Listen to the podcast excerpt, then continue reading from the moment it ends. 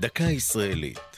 השבוע, חיים נחמן ביאליק, במלאת 150 שנה להולדתו, והפעם, ספר האגדה. בתחילת המאה ה-20 היו יהודים רבים נתונים באמצע תהליך.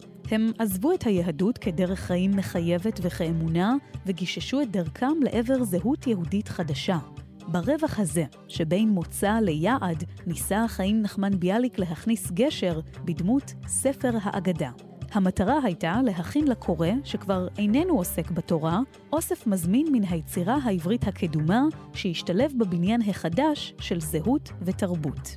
עם שכנו באודסה, יהושע חונר רבניצקי, עמל ביאליק לכנס מבחר מספרות חז"ל שאינה הלכתית, אמרות חז"ל, סיפורים ומשלים מתקופת המקרא ועד ימי התנאים והאמוראים.